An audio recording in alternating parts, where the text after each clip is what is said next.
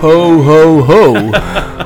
det, det här är något julspecial är det inte, men det är snart jul. Ja, när som helst faktiskt. Ja, när som helst. Och eh, det kan vi säga redan nu. Även två äldre poddgentlemän tar lite julledigt. Så att eh, nästa avsnitt kommer nog efter nyår faktiskt. Det blir ett eh, tio dagars uppehåll eller någonting sånt där. Ehm, så vi hinner jaga lite. Eller jag firar jul och nyår menar jag. Ja, jag tänkte, ja, just det. för att jaga har vi nog fan gjort. Ja, eh, med varierat resultat. Ja, det var ju... Ja, nej, men alltså... eh, Du kan ju börja då. Du gick igenom isen. Ja, det gjorde jag faktiskt. Det var... Nej, det, det, alltså det, det var inte så dramatiskt för min del, men det var lite läskigt. Eh, vi har ju, som de flesta känner till vid det här laget, jagar ju på en mark där det är isar i princip på tre av fyra sidor. Och min gråvaktel fick tag på ett gäng grisar. Och de gick ut och ställde sig i vassen, som då var is, isad. Ehm, och där blev det fast. Och så försökte jag gå ut på det där och när jag var en 30 meter från insåg jag att det där kommer aldrig hålla för mig. Så jag stannade och tänkte det får väl gå loss eller så får eh, någonting annat hända. Men det var ingen mer med att ta sig ut på det här. Och sen så medan jag står och väntar så hör jag världens brak och sen hör jag att ja, det blir knäpptyst på skallet och sen börjar det plaska. Och då blir man så här, eh, är det hunden eller grisen? Men det tog inte många sekunder förrän hunden gick upp i falsett och eh, eh, blev väldigt, väldigt intensiv. Så jag förstod att det var grisen som hade gått igenom. Så, så jag la mig faktiskt på mage och ålade mig fram till den här lilla grisen som hade gått igenom. Och min hund som stod och, och så fort den stoppade upp huvudet ovanför vak, vakkanten så, så bet den grisen i öronen, min hund. Mm, det var inte snällt. Men, så jag fick ju eh, koll på den här grisen och eh, sen så la jag ett koppel runt halsen och skulle dra upp den ur vaken. Och då gick isen Då sönder. gick isen sönder. Så där stod jag eh, upp till midjan i kallt vatten med en gris i famnen och en hund som skällde mig hysteriskt i örat. Ehm, så kan det gå, men, men eh, det är läskigt med isarna. Men vi har berört det förut, så vi ska inte tjata om det. Men sen är det konstigt med grisarna nu. Alltså vi... Ja, men du har ju precis samma erfarenhet som jag. Ja, eh, det var, det var ju... Jag var ute i en... Eh, jag var ute i... Alltså körde rätt så hårt för två dagar i rad och hade jättebra... Mycket vildsvin och jättebra arbeten av båda mina hundar. Men de vill ju inte stå. Isarna. Eh, Och så här års brukar man ju få till vettiga ståndskall alltså.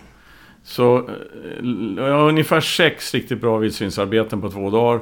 Och eh, det längsta, längsta ståndarbetet eh, det pågick i ungefär 45 minuter innan de gick loss.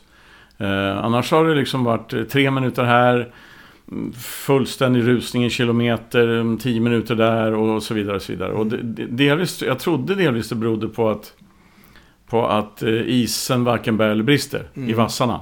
Och det gillar ju inte vildsvinen. Just det där mellanläget liksom när, när det finns is men ändå inte. Det, det gillar de inte. Eh, De, vill, de undviker det då, eh, har jag förstått.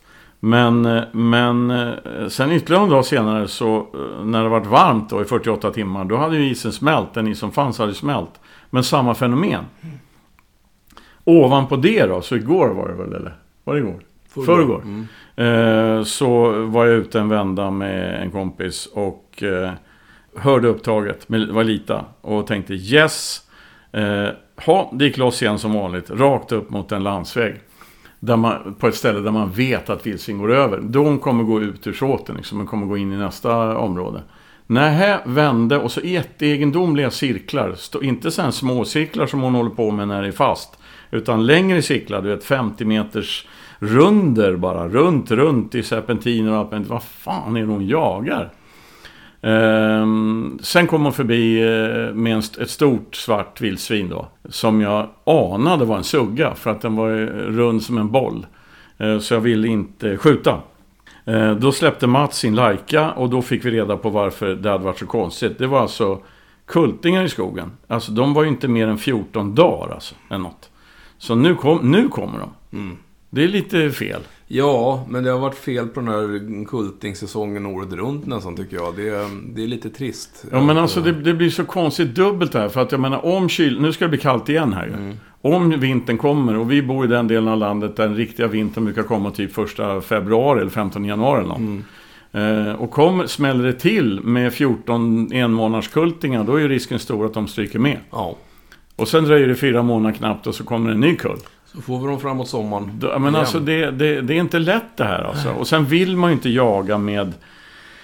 Jag kan, alltså, finns det kulting i skogen så kan jag faktiskt jaga med Lita, unghunden. För hon är så himla snäll och mjuk. Hon hade ju fullt ståndskall på 14 dagars kulting. Mm. Så att jag menar, det är ju inte... Hon är ju snäll. Men, men alltså, mm, tuffare hundar, hundar som verkligen vågar utmana stora svin. Alltså, då ska man inte släppa dem om det är kulting i skogen. Nej. Så det, man får, nu får man ju börja vara lite eh, småförsiktig faktiskt. Sen tycker jag överhuvudtaget att eh, vi har ju bra med vilt på våra marker men, men eh, eh, det är lite som att de har gått i limbo, vilterna. Så Ja. try, de trycker fruktansvärt hårt alltså. Det är väldigt lite ut på gärdena, eh, inte ens kvällstid. Eh, det är svårt att få tag på dem för hundarna. Eh, det är väldigt lite rörelse i skogen, lite vittring att gå på. Och när de väl får tag i någonting, då är det fan i mig sken direkt ja. alltså. Ja. Eh, Det är inte mycket mm, buktning. Nej, nej, och jag tycker de har, Jag var ute idag på förmiddagen och, och jag tycker... Och vi hade mycket gris i den såten. Sen har jag ju gått tom i flera såtar, vilket inte är vanligt. Men, men eh, det var inte många minuter det stod. Och när de väl stack så sprang de långt alltså. Ja, Eh, ja. ja, ja. Man blir aldrig klok på det här. Kul är det nästan alltid, men klok det är man inte. Kanske därför man håller på. Eh, du, ska vi börja eh, beta av eh, Nu betar vi frågor. Ja, vi ska börja med det här är faktiskt eh, Nils som han, han, han skriver själv att om jag har missat den här frågan tidigare så ställer jag mig skamvrån.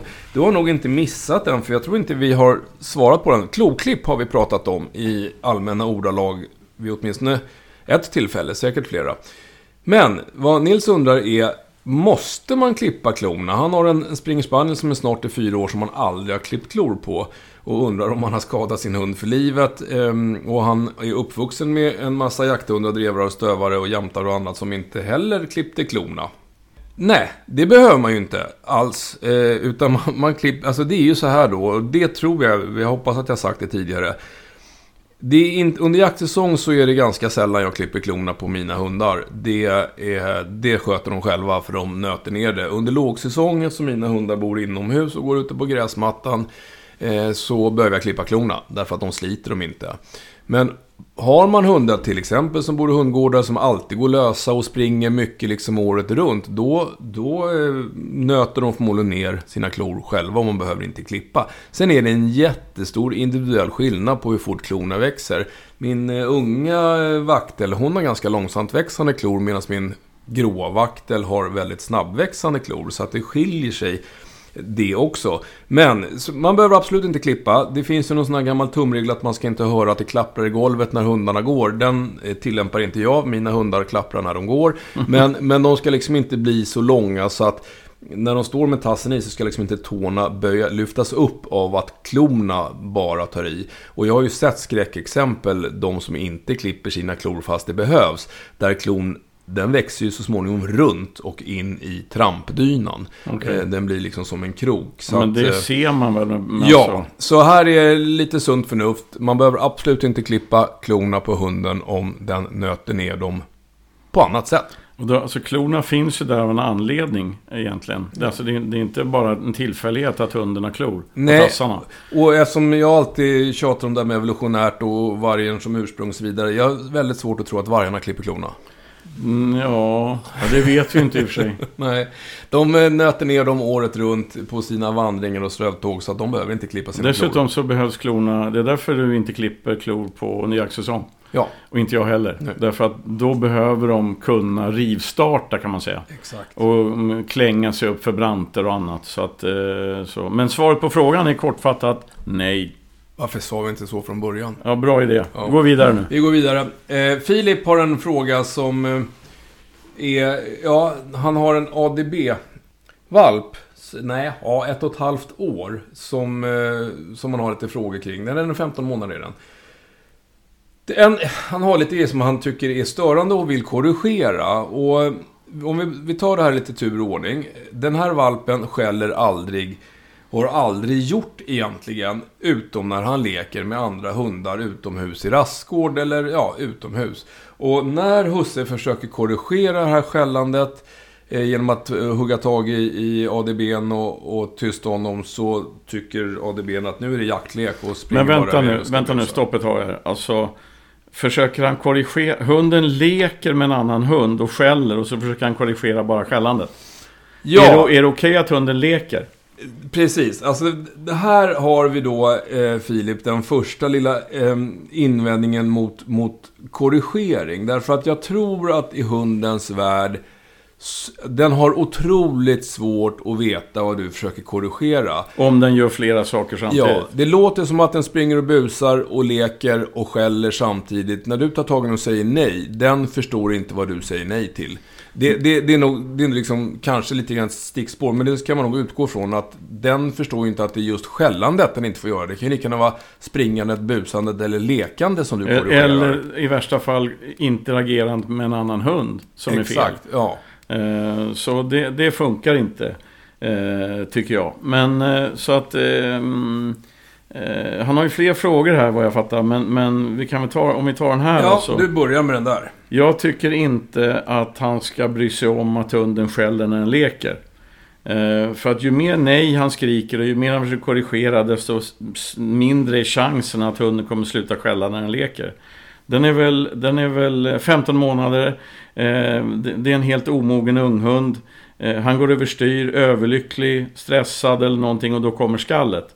Ehm, jag tror, strunta i det där. Stålsätt dig och strunta i det där och, och istället bejaka när hunden är tyst. Därför att det är inte så att den, jag lovar, den skäller inte hela tiden när den leker med en annan hund. Utan jag tror att den här hundägaren har, är, har blivit lite känslig. Därför att eh, en ADB kan ha ett ganska grovt skall. Eh, vilket gör att det är lite jobbigt när ens egen hund skäller i en rastgård någon, någon, med andra hundägare. Och då är man väldigt snabb med att skrika nej eller försöka få tyst på hunden. Gör tvärtom istället. Låt hunden skälla, men den skäller inte hela tiden, garanterat. Och när den inte skäller, då bejakar man det. Beröm när hunden är tyst. Du är duktig du. Släng åt den en godbit eller någonting när, när den inte skäller. Det, det tror jag är vägen. Bra, jag var lite för snabb med att hoppa över till Filips fråga. Jag missade ju faktiskt att Nils hade ett par funderingar till. Så jag går tillbaks till dem, sen fortsätter vi med Filip. Det kanske blir rörigt, men vi svarar ändå på frågorna. Vad då är det Nils igen nu? Ja, han hade faktiskt, han har skrivit det en bonusfråga som är mer av teoretisk art. Kan hundar, och inom parentes andra djur, bli psykiskt sjuka? Alltså psykotiska, manodepressiva eller schizofrena, ADHD eller andra diagnoser? Eller är det bara människor som drabbas av sånt? Det där är faktiskt en väldigt bra fråga, för det här är sånt där som vi eh, veterinärer kan nörda ner oss och sitta och prata om ibland på jobbet. Eh, Jag tror, och och nu säger jag att jag tror, för jag har inga vetenskapliga belägg för det här, att hundar... Alltså, man måste ju liksom, det är en definitionsfråga, vad är psykisk sjukdom? Men om man tar, alltså det finns hundar som, som jag bedömer är psykiskt instabila. Eh, och sen så kan man skylla det på rädsla eller oro eller osäkerhet, massa grejer. Men en del hundar beter sig eh, mer än lovligt eh, instabilt för att man bara ska skylla på osäkerhet eller rädsla. Eh, och, och då är det klart att då är det... Alltså varför skulle inte några polletter trilla lite snett även hos hundar när det gör det hos, hos oss människor? Men svaret på frågan är egentligen alltså, vi vet inte. Eh, för att alla diagnoser av det här slaget är ju diagnoser som ställs genom Eh, samtal med psykologer, eh, psykiatriker, terapeuter och allt sånt där. Alltså, man går igenom stora frågebanker, man gör tester och grejer. Den möjligheten har ju inte vi att kommunicera med hundarna. Så att... Så att eh, men jag brukar säga att min vaktel är en ADHD-hund, men det tycker Peter att de flesta vaktlar är. Så att, alltså, det, är, det finns ju jag ska säga, hundar som är väldigt extrema i, i sitt agerande. Eh, om man nu skulle se liksom någon mainstream, så här är en hund generellt, så finns det de som är väldigt extrema. Sen att säga att det är en psykisk sjukdom eller ADHD, det är klart att det, det kan man ju inte göra. Men, men visst finns det hundar som har Men alltså, tendenser. men alltså det, det är ju som vi människor alltså. Om, om, om någon riktigt eh, djuplodande, duktig eh, hjärnskrynklare skulle gå in i huvudet på mig. Då skulle vi nog hitta ett och annat som inte är helt... Eh, jag menar, fullkomligt på banan. banan är man kanske inte. Eh, så att det beror ju på. Men eh, vi är individer. Eh, hundar är individer. Alla djur är individer liksom. Det, det, man får olika typer av påslag. Det handlar om hur högt eller lågt temperament man har och massa grejer. Så man, jag tror man ska passa sig för att stämpla både människor och hundar, i min åsikt, för mycket. Men, men en sak som är intressant med det här resonemanget är att när det gäller människor och mental ohälsa av olika slag så, så finns det någonting som heter KBT. Mm. Ehm, det, det är liksom en slags behandling kan man säga. Kognitiv beteendeterapi. Just det, kognitiv beteendeterapi. Och, och, man tänk, och det handlar alltså om att utsätta sig för någonting som man är rädd för till exempel. Ehm, om vi tar det väldigt förenklat då.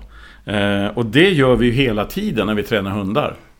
Man hjälper hundar att ta sig över mentala trösklar och så vidare. Så vi jobbar ju med hundar ändå på på ungefär samma sätt som en, som en eh, människopsykolog kan arbeta med en person som har olika typer av fobier eller beteendeproblem eller social fobi eller annat.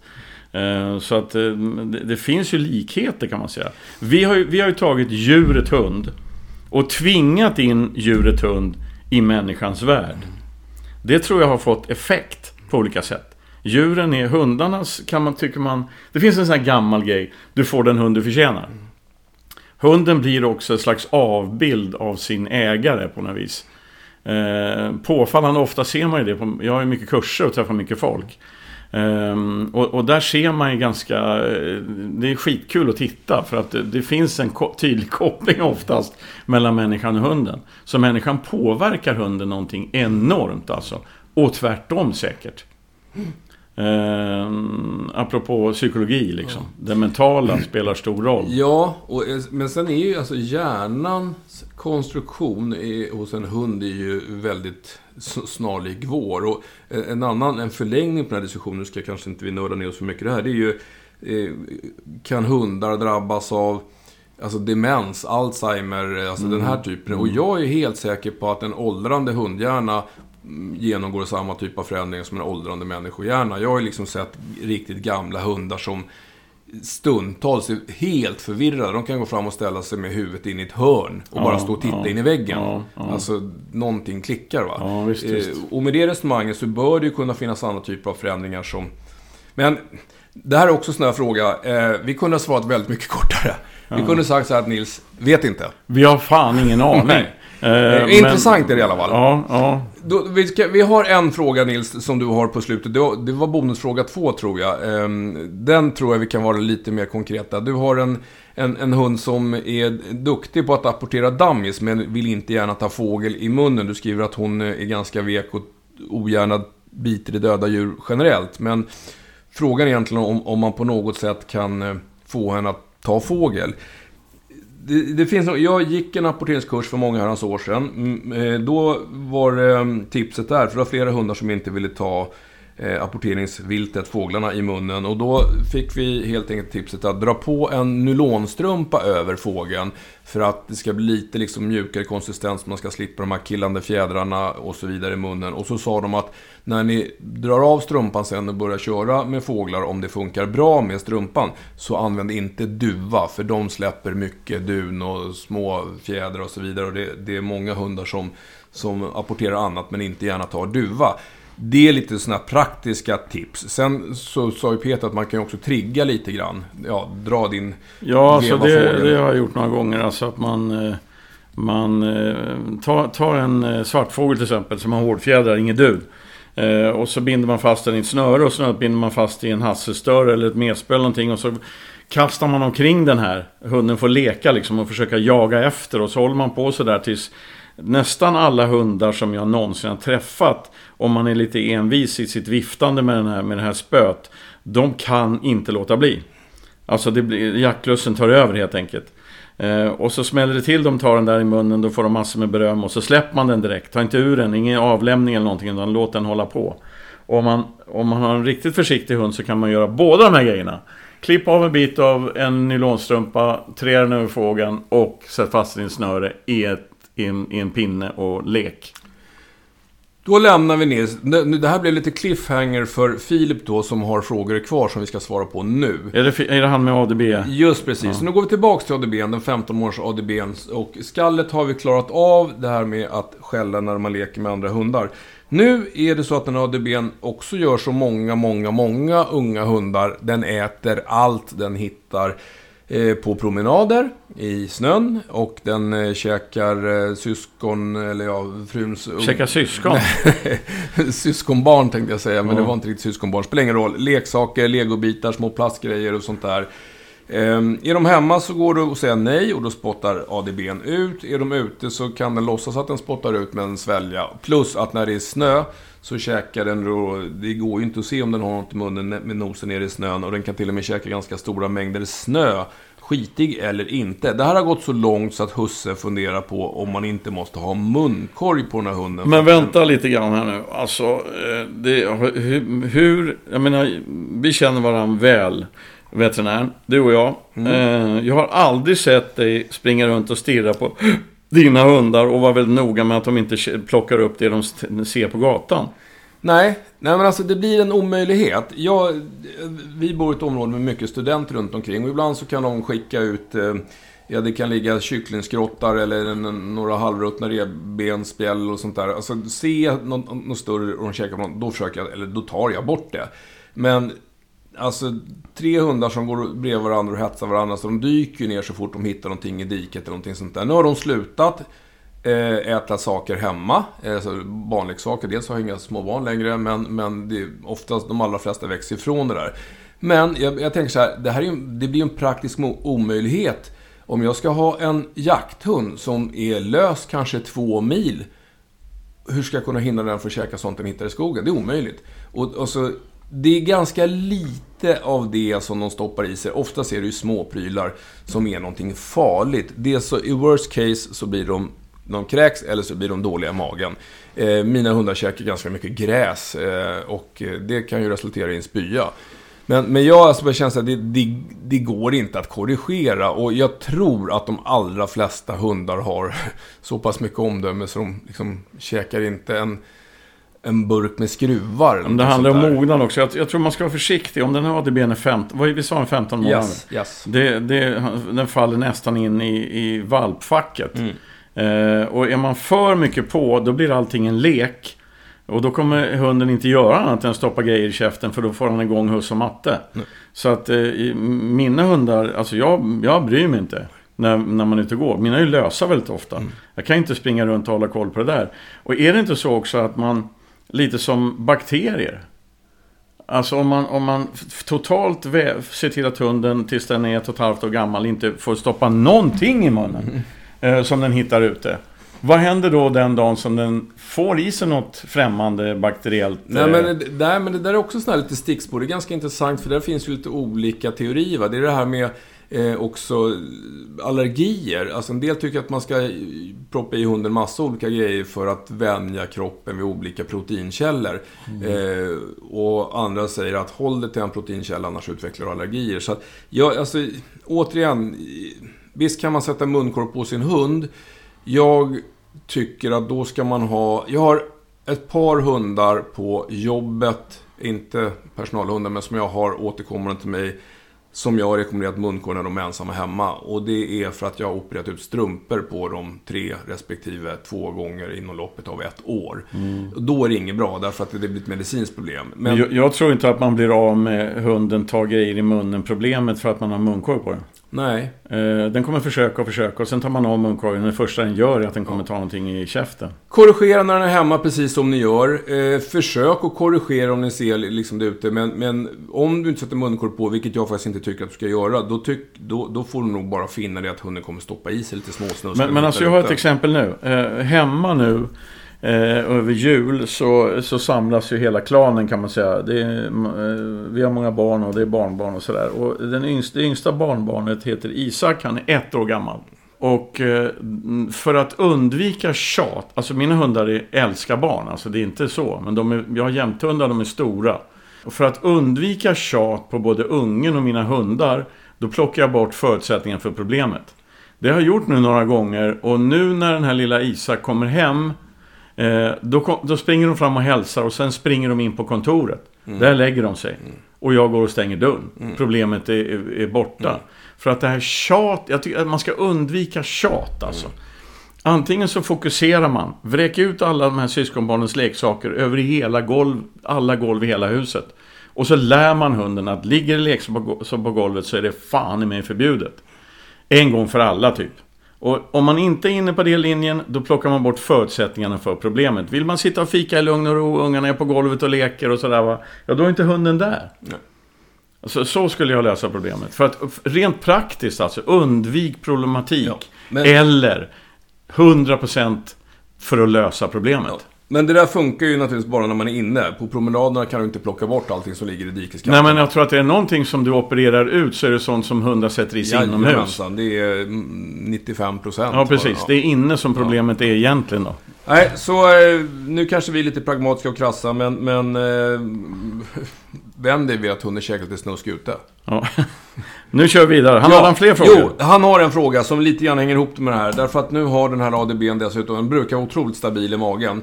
Eh, de bytte foder ganska nyligen skriver han, men, och nu har hunden fått diarré och på slutet också lite blod i diarrén. Eh, och han funderar på, kan det bero på foderbytet eller kan det bero på någonting att hunden har ätit? Där blir det en gissning. Eh, det kan, alltså vissa hundar är känsliga för foderbyte, men jag tycker att det låter lite väl kraftigt att det ska bli fyra dagar med blodig diarré som, som slutkläm på det där eh, av ett foderbyte. Det kan vara så, men, men med tanke på det du, det du beskrivit så är det kanske mer sannolikt att ADB har stoppat i sig något spännande. Eh, på promenad eller på... Du skriver att han käkar skit i snö och såna grejer. Det, det skulle jag ju gissa på. Eh, har man hund så kommer man få uppleva ett antal diarréer eh, under hundens livstid. Och jag tycker att det är en bra grej att man har hemma någon typ av eh, sån här probiotika. Det finns, ja, jag vet inte, det finns väl flera, men Fortiflora, Procolin, Canicur, eh, som är då eh, både probiotika, alltså mjölksyrebakterier, men också stabiliserar diarréerna. Därför att man kommer få diarré på hundarna. Och det man inte ska göra när hunden har diarré, det är att man blir orolig för att den inte äter, för en del hundar tappar aptiten. Alla gör inte det. Och så truger man i den käk. Eh, tvärtom. tvärtom. Svält hunden. Vatten, svält hunden något dygn, låt den dricka vatten, kanske lite kokt ris och sånt där i små portioner. Så att magen får lugna sig. För hundar, alla hundar är inte som vi. När vi är magsjuka så tappar vi ofta aptiten. Det är inte säkert att hundarna gör det. Men, men då ska man inte göda på dem, för då håller man bara den här inflammationen i tarmen igång. Och det, normalt sett så är det ju liksom inte farligt. Har man en hund som är pigg och kry i övrigt så är det inte farligt om det kommer lite blod. Insidan av tarmen är beklädd med små, små kärl som ska suga upp näringsämnena. Och eh, när det blir en kraftig inflammation så brister kärlen så man blod i avföringen. Och det är liksom inga rikliga mängder och hunden mår bra i övrigt. Så, så lugna ner magen genom att inte trycka i hunden mat och gärna stöta upp med lite sån här probiotika av något slag. Sen när man, eftersom det ändå var på tapeten, när man byter foder, eh, som man eh, ofta gör några gånger under en livstid, så, så gör man det gradvis. Man slutar inte med att servera den gamla typen foder och så i nästa skål så är det den nya typen foder, utan man går över lite gradvis. Jag brukar säga en, en fyra dagar, kanske fyra, fem dagar med 75% av det gamla foder, 25 av det nya och sen efter ett par dagar så kör man 50-50 och sen så kör man 75 av det nya och 25 av det gamla så att man vänjer magen lite grann. Där har jag varit väldigt slarvig alltså. Jag har aldrig hållit Nej, på med men det, det är också väldigt... Eh, det, här, alltså det här med känslig mage är otroligt. Alltså vissa hundar kan ju käka plåt utan att det bekymrar dem. Så att, så att, eh, men har man en hund med lite känslig mage, då tycker jag definitivt man ska jobba på det sättet. Nu lämnar vi de frågorna och så, så kommer vi till Rickard som har en gråhund som eh, är hur snäll som helst när husse är hemma. Han har överdrivet mycket energi trots motion. Han är två år gammal. Men det som är dilemmat här är att när husse far iväg till jobbet så blir den här gråhunden aggressiv mot matte. Morrar, eh, skäller och eh, har nu också börjat bita lite i Mattes kläder. Och de har försökt med, de har gått på kurser, de har försökt med kemisk kastrering och varit hos lokala hundkunniga människor men ingenting blir bättre. Eh, den här hunden skaffades under våren 2020. Matte har varit hemma mycket för hon pluggar på distans. Så jag antar att hunden har varit hemma med, med Matte då. Problemen börjar redan när han var 10-11 månader. Eh, går i perioder och de har försökt att korrigera det här alltså sedan han var 10-11 månader, det vill säga ett år. Men eh, ja, Peter. Eh, jätteglad och trevlig när husse är hemma. Men när husse lämnar så är han inte lika glad och trevlig mot men matte. Alltså, men jag, jag, jag, tror att jag kan se två, två vägar ur det här. Matte måste lära sig att korrigera gråhunden. Det tror jag är grunden här. Så har ni gått hos hundtränare och så här som inte kan lösa problemet, då fortsätter ni söka till hundtränare som kan lösa problemet. För att eh, eh, Eh, i en familj med två personer och en grovhund så måste båda personerna kunna korrigera hunden när den beter sig på ett sätt som den inte får göra. Eh, så matte måste få verktyg helt enkelt eh, för att klara av det här. Det är det första. Om inte det går, eller om man inte orkar eller inte vill, för att om man, alltså, det, är ju, det är ju motivationen som styr en sån, en sån träning från, mat, från mattes sida. Om, om man inte vill, då är det plocka bort förutsättningen för problemet. Husse går promenad på morgonen, sen går Husse till jobbet. Kan han inte ta med hunden till jobbet, ja då stänger man in hunden i ett rum där matte inte är. Och så får Husse komma hem på lunchen och gå ut med hunden och sen så får det rulla på så. För att avlasta matte. Eh, och eh, tricket, det, alltså det här är ju dötråkigt, men om man gör det stenhårt och konsekvent i två månader, då kan det ha hänt någonting med den här gråhunden. Den kan ha ändrat alla möjliga typer av beteenden. Den kan gå in i det där rummet och lägga sig och sova trots att dörren är öppen till matte och sådär. Man har ingen aning om det. Men man måste helt enkelt förändra omständigheterna kring problemet på ett eller annat sätt. Eh, men det bästa är om matte eh, får verktyg och lär sig hur man ska korrigera hunden. Och jag ska inte tala om hur det går till för det har jag pratat om i den här podden så hundra gånger. Men, men prova att korrigera hunden innan problemet uppstår. Med det menar jag att när husse går ut genom dörren på väg till jobbet. Då rusar matte fram till grunden och säger Nu skärper du dig! Och sen går hon och sätter sig och jobbar. För det har hon inte gjort. Hon har inväntat gråhundens drag med stor sannolikhet. Har det varit så. Ehm, och så går man vidare därifrån. Men, men leta reda på en, en, en hundkunnig människa som, som kan eh, ge matteverktyg så att hon själv kan korrigera. Yes. Det här blir stackars Filip, han, han hade ju faktiskt en fråga till. Han får hoppa lite fram och tillbaka till avsnittet för att svara Är vi tillbaka till Filip igen? Nu är vi tillbaka till Filip, för han undrar lite grann... nu här... måste jag säga så att du brukar ju ha koll på det här. Ja, men det var så jäkla mycket frågor. Jag tror att jag klippt och klistrat lite till mitt försvar får jag säga att, att Philips eh, eh, mail är tre sidor långt. Så att, så att jag scrollade lite för fort helt enkelt. Men det som var då kring den här eh, en, en medicinsk fråga, är att han... Eh, det här är ju första jaktsäsongen och han har haft bra drev, men sen så fick han en sträckning i lårmuskeln. Eller han blev överspänd i vänster lårmuskel. Och så fick han vila och sen har han stått på antiinflammatoriskt i ett par veckor. Och sen eh, ska han då Eh, ja, köras igång till försiktigt nu. Frågan var hur gör man för att det här eh, ja, inte ska hända igen, förebygga. Och det här är ju vanligt, alltså egentligen, och jag är verk, inte världsmästare på det, men samma sak som vi när vi ska fysträna, eller ska vi ut och springa, ska jag ut och köra intervallträning. Jag, jag går inte ut genom dörren iskall och börjar med att springa upp från backe i full fart. Jag joggar lite grann så jag blir lite varm i musklerna. Så att, alltså lite uppvärmning innan släpp helt enkelt. Det är ju det man kan göra. Och sen, och sen så gärna stretching efteråt. Se till att hunden inte är iskall när man släpper den. Se till att den är lite uppvärmd och försök att sträcka ut musklerna efteråt. Sen kan det här vara en ren otursgrej också. Någon klivit snett eller halkat ner för någonting. Och sånt där. För det är inte jättevanligt med en 15 månaders eh, som får de här problemen. Så att, men, men vill man vara duktig, då kör man uppvärmning innan släpp och man kör stretching efter släpp. Nu har vi vår vän Häst-Uffe. En, en, eh, också, det här är också en fråga vi inte haft förut. Men Häst-Uffe är en klurig gubbe. Ja. Han undrar lite grann, för han har varit ute på ett eftersök i mörkret med pannlampa. Hur påverkar hunden av ljuset från pannlampan? Man tappar ju själv mörkerseendet när någon lyser på med lampa. Och Uffe undrar om det är samma sak med hundar, att de tappar eh, sitt mörkerseende i skenet från en pannlampa. Jag det, tror inte det. Jag tror inte heller det. Och, men det här som vi säger nu bygger inte på några vetenskapliga studier. Det betyder bara, det bygger på våra erfarenheter och ett logiskt resonemang kan man väl säga. Ja, för vi, alltså rent faktiskt har vi ingen aning. Nej men det vi vet är att hundar, hundars ögon är lite annorlunda konstruerade än vad våra ögon är. De har precis som vi eh, två typer av nervceller. Det är stavar och tappar. Där stavar är de ljuskänsliga och tappar inte alls lika ljuskänsliga men är bättre då på färger. Men det hundar har som vi inte har och som många andra djur har, de har en reflekterande näthinna, det som kallas för tapetum lucidum. Så, alltså, lyser man på en hjort, eller ett rådjur, eller en älg i mörkret. Eller en hund. Eller en hund, så lyser ögonen tillbaka. Det är för att ljuset studsar i det här tapetum. Exakt, det reflekteras. Just det, och då går det igenom hornhinnan en gång till, vilket innebär att hunden i mörker ser dubbelt så bra som vi. Ja. Den fångar upp ljuset två gånger. Så, så det är den ena delen av det logiska resonemanget. Att, att ljuset helt enkelt inte sugs upp av de här tapparna och stavarna på samma sätt. Utan det, det reflekteras.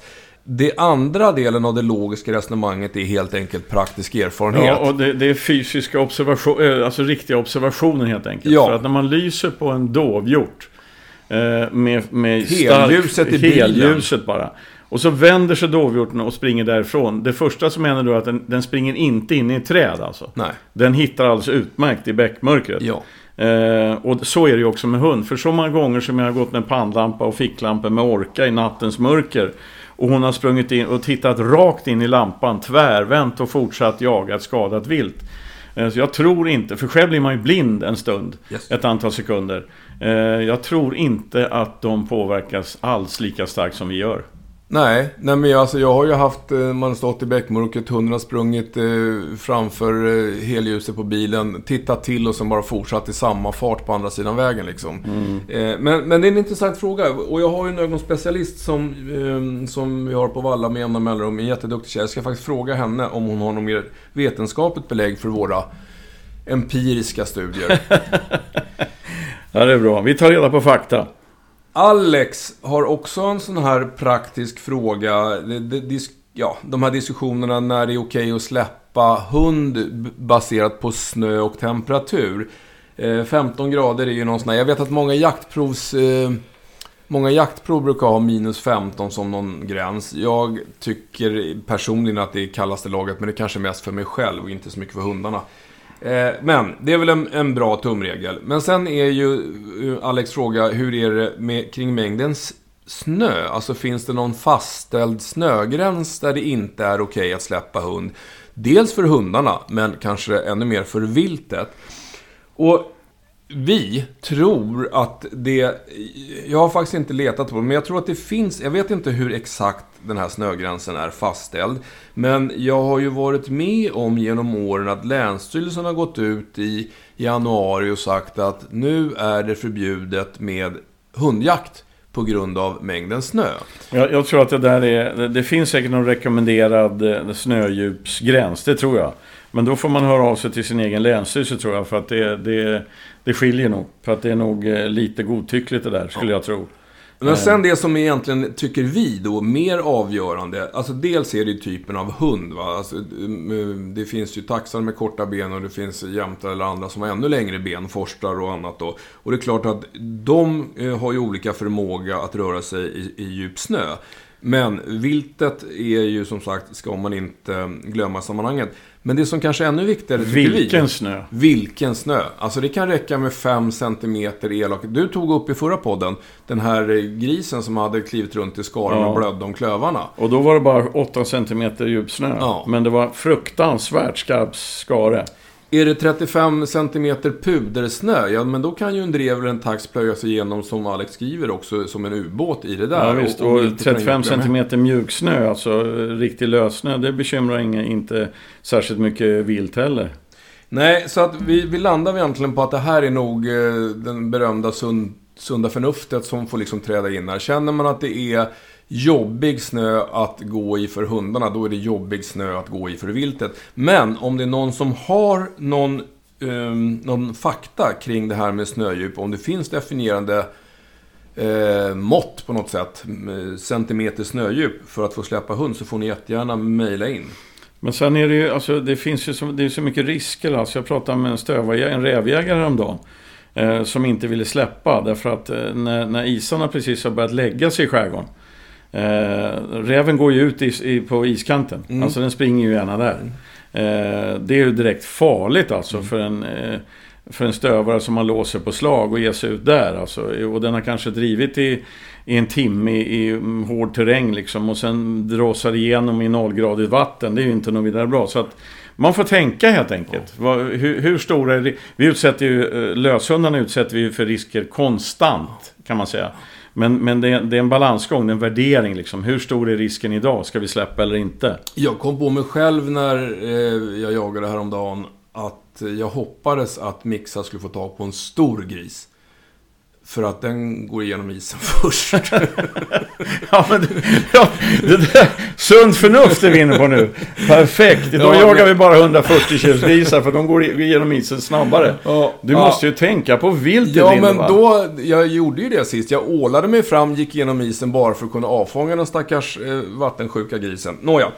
Eh, nu ska vi gå till en, en 14 månaders eh, Petit Basset Griffon Verdén som är... Eh, den har haft lite halsproblem men det har gått över. Nu är det inte det problemet utan David har lite funderingar kring den här hunden. Eh, därför att den går ganska tyst för att vara en Basset. Eh, har drivit bra med skall i början på säsongen men sen har det blivit lite sämre och ja, han kan gå eh, ganska kort och eh, tyst långa sträckor. Det kan komma några ljusa skall i avhopp eller vinklar, någonting sånt där. Men, men annars är det eh, segt med skällandet.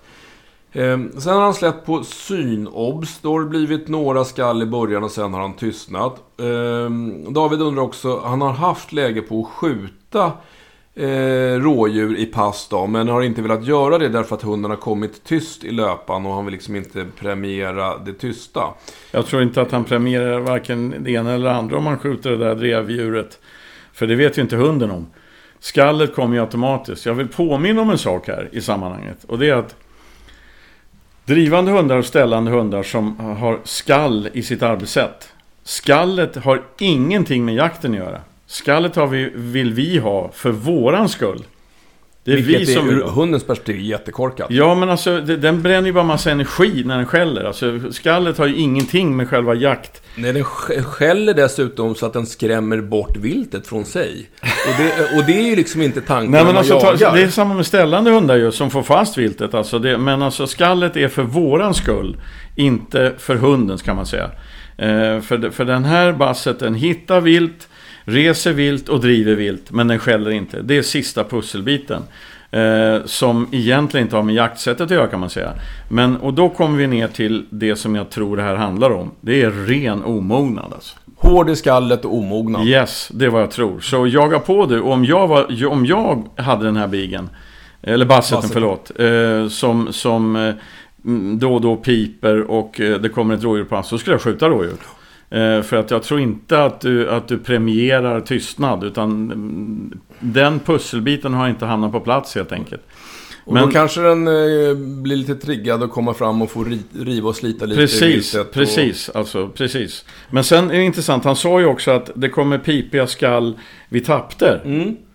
Ja, men alltså det, det ger ju faktiskt lite, lägger lite belägg på det jag just sa. Nämligen att när hunden följer en löpa, alltså driver viltet tyst. Då är hunden koncentrerad som fan på löpan. Okej? Okay? Det går mycket mental energi. Och så får han tappt. Då tappar han liksom den energin och den, det fokuset, den koncentrationen. Och då kommer några pipiga skall Eh, i frustration eller vad ska jag göra nu eller någonting sånt där. Det är också ett tecken på att hunden är omogen. Ta det lugnt, jaga på. Med stor sannolikhet så kommer det här drevskallet att komma. Om det inte kommer så kan vi inte göra någonting åt det. För jag kan lära hundar mycket men inte att skälla i drevlöper. Det, det är genetiskt betingat helt enkelt, som jag ser det. Alltså det, det, måste ändå vara vårt absolut bästa råd. Det här är ju jägare, misstänker jag, som lyssnar på den här podden. Ofta kommer vi med rådet, jaga mera. Ja, men, men alltså det är ju det, det när det gäller hundar så... Jag tror till exempel att den här gamla jänten jag har, som vi har jagat så mycket med, hon är ju rätt duktig. Man får inte prata gott om sina egna hundar, men hon är rätt duktig på sitt jobb. Ett, jag har ingen aning om, om hon egentligen, hur duktig hon är egentligen i arvet. Men har man jagat så sjukt mycket som hon har gjort så har hon lärt sig saker i skogen. Så ju mer hunden får utöva det arbete man vill att den ska kunna, desto bättre blir den på jobbet. Alltså det Precis som med det- allting annat. Ja, precis som allting annat. Det, det, alltså en, löshund blir inte bra hemma i hundgården liksom. Så är det bara. Okej, nu ska vi snart... Eh, nu tar vi en fråga till. Jag tror att eh, svaret på den här frågan är jaga mera. Fan vad skönt, den tar vi. Det är nämligen en, en ganska ung västlajka, ett och ett halvt år, jagar älg och vildsvin. Eh, det är fällt lite vildsvin, hunden har jobbat, jobbat jättebra med vildsvinen, jobbar sämre med älgarna. Eh, det är fällt några kalvar för den här hanhunden. Och eh, häromdagen då så var det ett riktigt bra jobb och du skält- fällt en kalv på gångstånd. Men det som har varit problemet är att hunden har letat upp älgarna, skallat någon minut och sen släppt och kommit tillbaka. Eh, Husse, Martin, har gjort många av de här sakerna som jag tycker är alldeles korrekt. Det vill säga att han har sakta gått i löpan tillbaks mot, eh, ja, där hunden släppte helt enkelt. Ibland funkar det, ibland håller han i några hundra meter till och sen kommer tillbaka. Ja, och nu har det ju då varit lite snö och då har det gått lite enklare att följa älgslagen. För inte alltid veta det som har varit och när de har kommit tillbaks till där älgarna stod från början så har de ju oftast lämnat. Men nu när det är snö så har ni ju sett åt vilket håll de har lämnat och kunnat gå vidare en liten bit till. Hans spörsmål är lite grann, mm, kan hunden tycka då att eh, det här blir att de jagar ihop mera på något sätt? Ja, eh, det, det tycker hunden mycket- garanterat om han kommunicerar med den. Ja. Men om man, om man ignorerar hunden och bara rör sig mot där hunden slutar skälla. Då samarbetar de inte. Utan då ser hunden vad husse gör, kan man säga. Ett och ett halvt år i Västlaika. Jag skulle tro att det här är en mognadsfråga. Jag tycker att det är mycket som, som Husse har gjort rätt här. Jag tycker han ska fortsätta med det och jag tycker att han ska jaga mera. Ja, men och sen, sen är det ju också så här att, att eh, eh like, många liker som jag jagar med, eh, de är betydligt kortare på jobbet än mina jämtar till exempel. Alltså de är kortare. Det finns läkare som är långa också, det är inget snack om det. Men väldigt många är kortare på jobbet. Jag vet till och med folk som medvetet letar parningar för att de vill ha spetsar med ställande egenskaper och vettigt förföljande och bra skallintensitet och allting. Men inte som är lika hårda och långa på jobbet som exempelvis hämthundar och grovhundar. Eh, så att, eh, men, men eh, ha tålamod, jaga på. Vill du undvika att lajkan tror att ni jagar tillsammans, då kommunicerar du inte med den. Du tittar inte på den, säger ingenting, utan du styr lajkan med kroppen bara. Då ser lajkan på dig, mm, lajkans kung liksom, som lajkan är helt beroende av, hur du gör fysiskt. Då kan självständigheten istället öka. Men om man kommunicerar med lajkan när man gör de här grejerna som han säger att han gör. Då kan man sabba sök och förföljanden och annat. Så gör vi. Och eh, då kommer en fråga med rubriken om man kan eh, alltså, lära en gammal hund att sitta. Fast i det här fallet så ska vi inte lära den att sitta, vi ska lära den att apportera. Det är en... eh, Det Det här, det här, den här kan du ta. Jag tar den här. Jag Det- går ut och byter snus. Ja, eh, David har en, eh, Eh, en önskan om att ehm, ha en apporterande hund till eh, ja, lite kråkjakt, duva och kanske lite skyddsjakt på gås.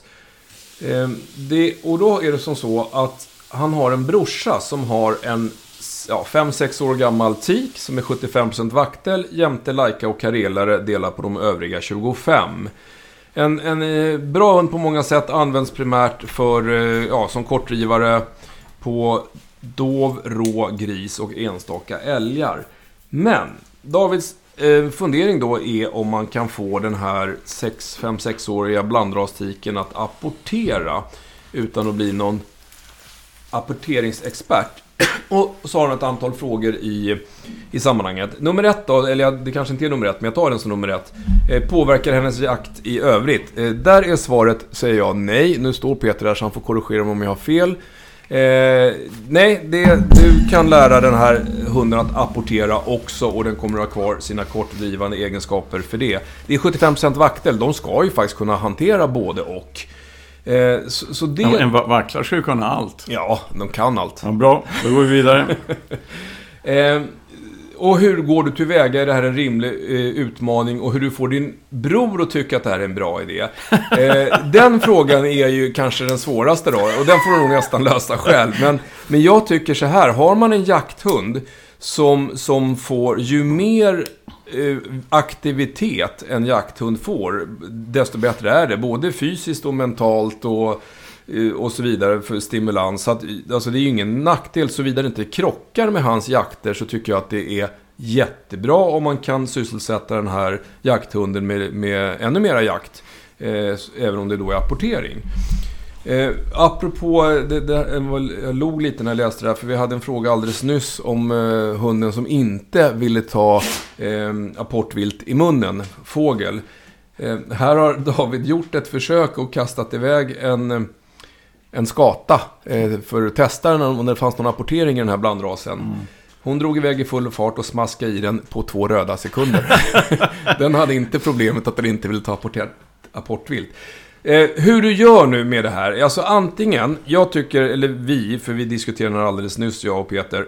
Jag tycker att du ska, tänk så här, jag har en hund som ska bli en apporterande hund. Jag behöver rapporteringsträna den här hunden. Och det bästa sättet om du inte har en massa kunskaper själv, antingen så kan man ju alltid köpa en bok, för det finns massor av hur man tränar rapportering. Eller så anmäler du dig och hunden till någon rapporteringskurs. För att jag tror att det går att lära den här hunden att apportera om den tycker att det är kul. Det är ändå 75% vaktel och många hundar gillar att, att, eh, ta saker i munnen även om det inte är vaktel i dem. Så, så att eh, jag tror att det går. Det, du kommer nog inte få en, en eh, kanonapportör, men kanske tillräckligt bra för dina önskemål. Men med tanke på vad som hände när han provade med den här skatan han slängde iväg så är det väl jättebra den här hunden i gömslet om han skammar en fågel. Ja.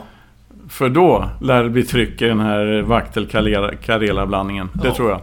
Ja, nej men eh, som sagt, så, så tänk så här. Den här, få brorsan med på tåget. Eh, köp en bok eller anmäl dig ännu hellre till en apporteringskurs. Och, eh, och så tränar den här hunden för att bli en apportör. Så får vi se hur långt det räcker. Det finns jättemycket duktiga hundtränare som sysslar med apportering. Alltså det, det de står som spön i backen skulle jag påstå. Så gå en kurs. Eh, du måste tycka det är kul nämligen. Du måste ja. ha verktyg och tycka ja. att det är kul. För att annars kommer det inte funka. Viktor har faktiskt en eh, samma som Björn Lindberg tror jag. En Treeing Walker Coonhound. Mm. Eh, 15 månader. Och när jag säger att det här är en hund på 15 månader, då vet jag nästan vad svaret kommer bli. ja, nej, men det är väl strul med injagningen förstår jag. Ja, så här är det. Började säsongen väldigt bra. Den här ska ju jaga rovvilt då. Han har börjat med foka på räv. Eh, det började väldigt bra. En, en räv blev skjuten på drev på andra släppet och hade drevtider mellan en och två timmar. Men, då kommer mennet. Sen har det blivit sämre. Hon har börjat släppa, kör 1-4 kilometer, tar bakspåren tillbaks, börjar driva rävar i bakspår och till slut så... Men hur gammal är den här tiken? 15 månader. Men det, är just, det här har vi snackat om förut.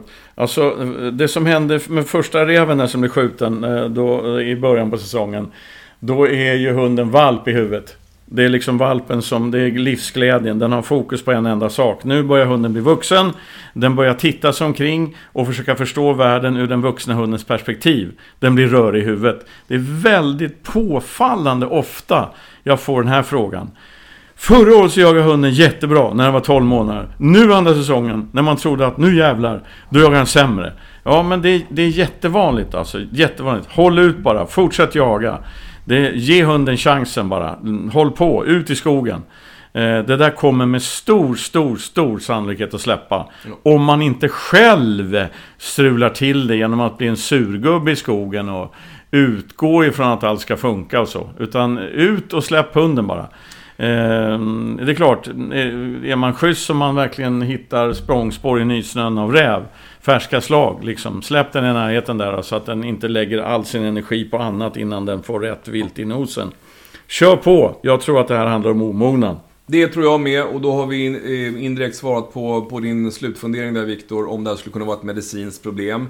Jag tror inte, alltså hunden följer ju spår, den följer till och med bakspår. Ja men som, vi var som... inne på det förut, hunden kanske börjar bli psykotisk. Så kan det vara. Ja, den typen av medicinska problem kan jag inte utesluta. Men, mm. men alltså, om du har en hund som inte har några andra symptom på typ rinnig näsa, nysningar, fnysningar, hosta, harklingar och sånt där. Utan den är i övrigt en frisk hund så tror jag inte att det här är ett medicinskt problem. Som sagt, den kan ju följa spår, utan det här är nog Peters linje, omognad, jaga mera. Jag ska bara ta, som rubriken säger, en solskenshistoria innan vi går in på, jag tror sista frågan faktiskt. Men det här är, Henrik ska bara skriva, eh, han skriver om en liten solskenshistoria. Vi var i kontakt med, med Henrik i han skickade bilder på sin jämte, det var i våras någon gång, och som hade väldigt över, överrörliga leder.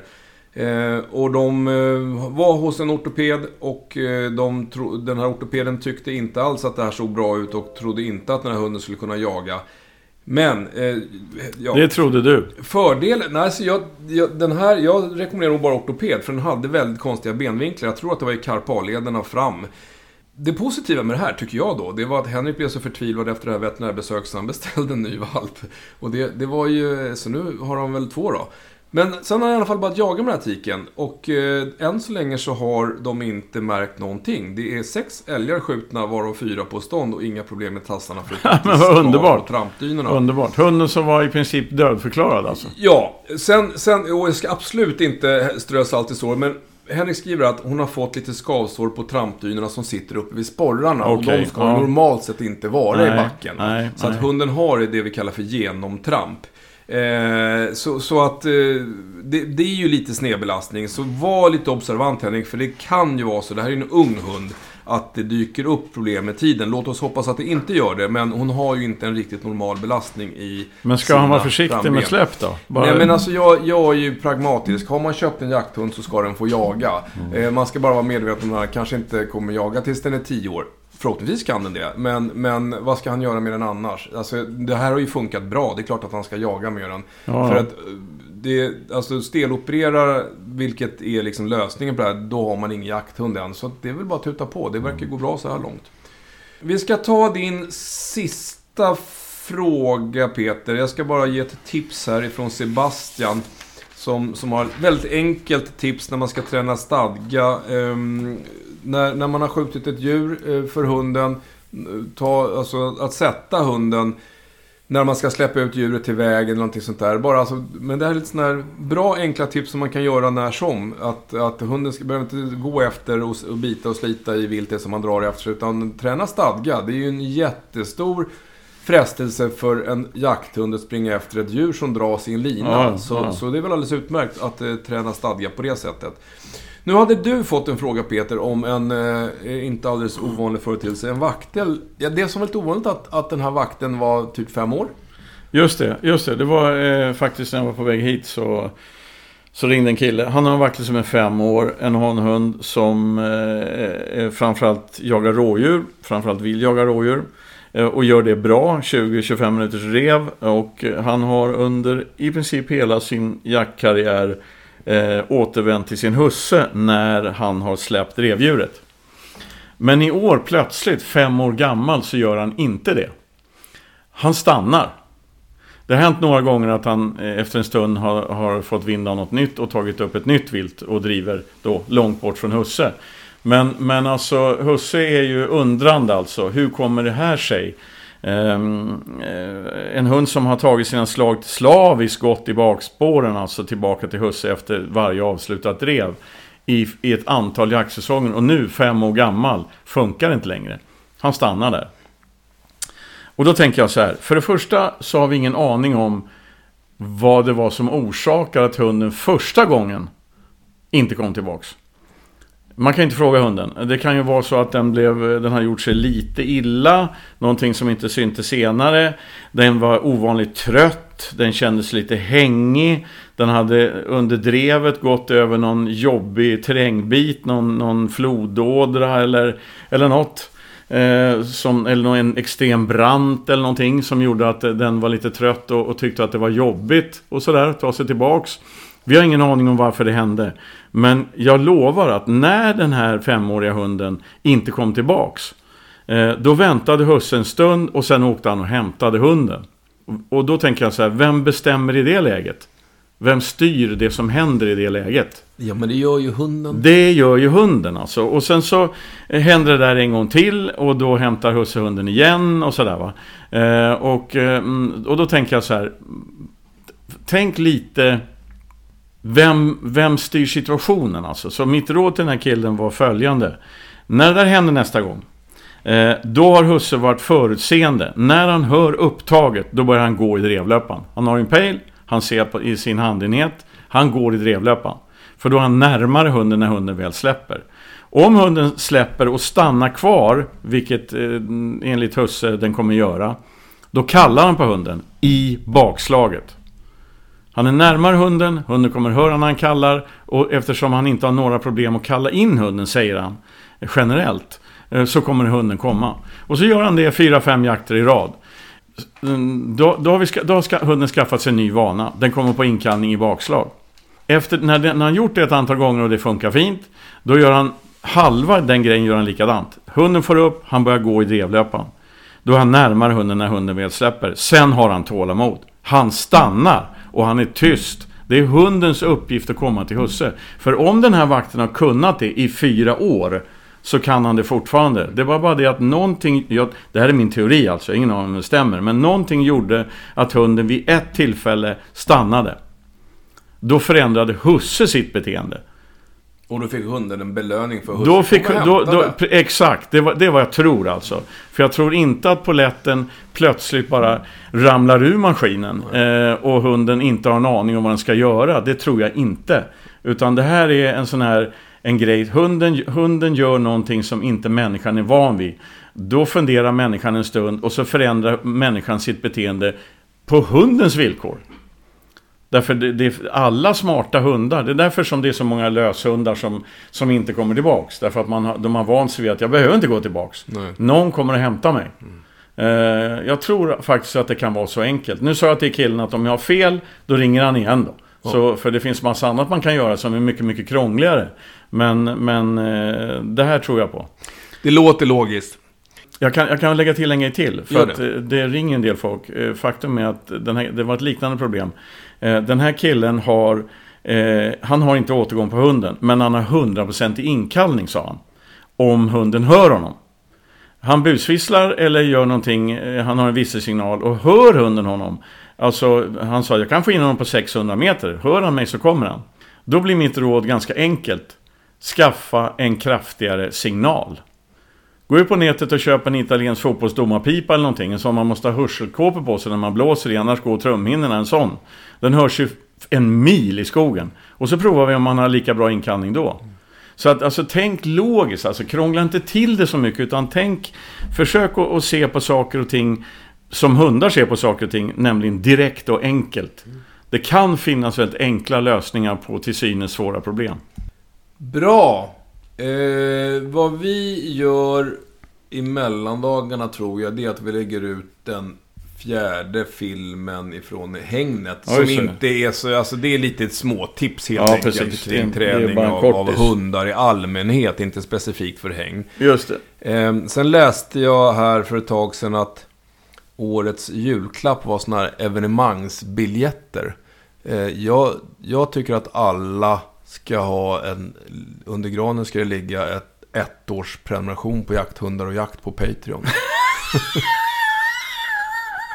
Var inte det ödmjukt? Jo, men det, det tycker jag det var gulligt Björn. Ja. Och, och, klokt. Mycket klokt. Ja, ja nej, men så, känner ni någon jägare så är väl det en utmärkt present eh, att stoppa in under granen.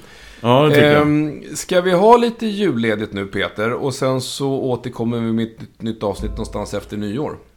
Eh, ja, det tycker jag eh, att vi ska... Så kan vi tänka. Absolut. För nu, nu är väl eh, de, våra lyssnare, våra trogna lyssnare som är med oss här på Patreon. De kommer förmodligen att vara hemma på julafton och juldagen och sen kommer de att jaga varenda dag. Och, Förhoppningsvis. Och, och, ha trevligt i skogen med sina hundar. Ja. Eh, så det är ingen idé att vi lägger ut någonting i mellandagarna. Utan vi återkommer snarast efter nyår. Och passar då på eh, med tanke på det och önskar alla lyssnare en otroligt god och eh, jaktfylld jul och nyårs helg. Ja visst, men tänk, tänk på familjen också. Ja, ja, de får följa med. Faktum är att jag har en kompis faktiskt som sa, hur blir det jul då? Ja, jag tog jouren, han kör snö. Aha. Jag tog jouren på julafton som vanligt, sa han. Så att familjen är viktig, men, men eh, det kan bli lite mycket. Käka inte för mycket julmat så att ni mm, blir för tunga och bryter benen i mellandagarna när ni ska jaga. Och inte hundarna heller. Nej. God jul! Om någon. Frågar oss.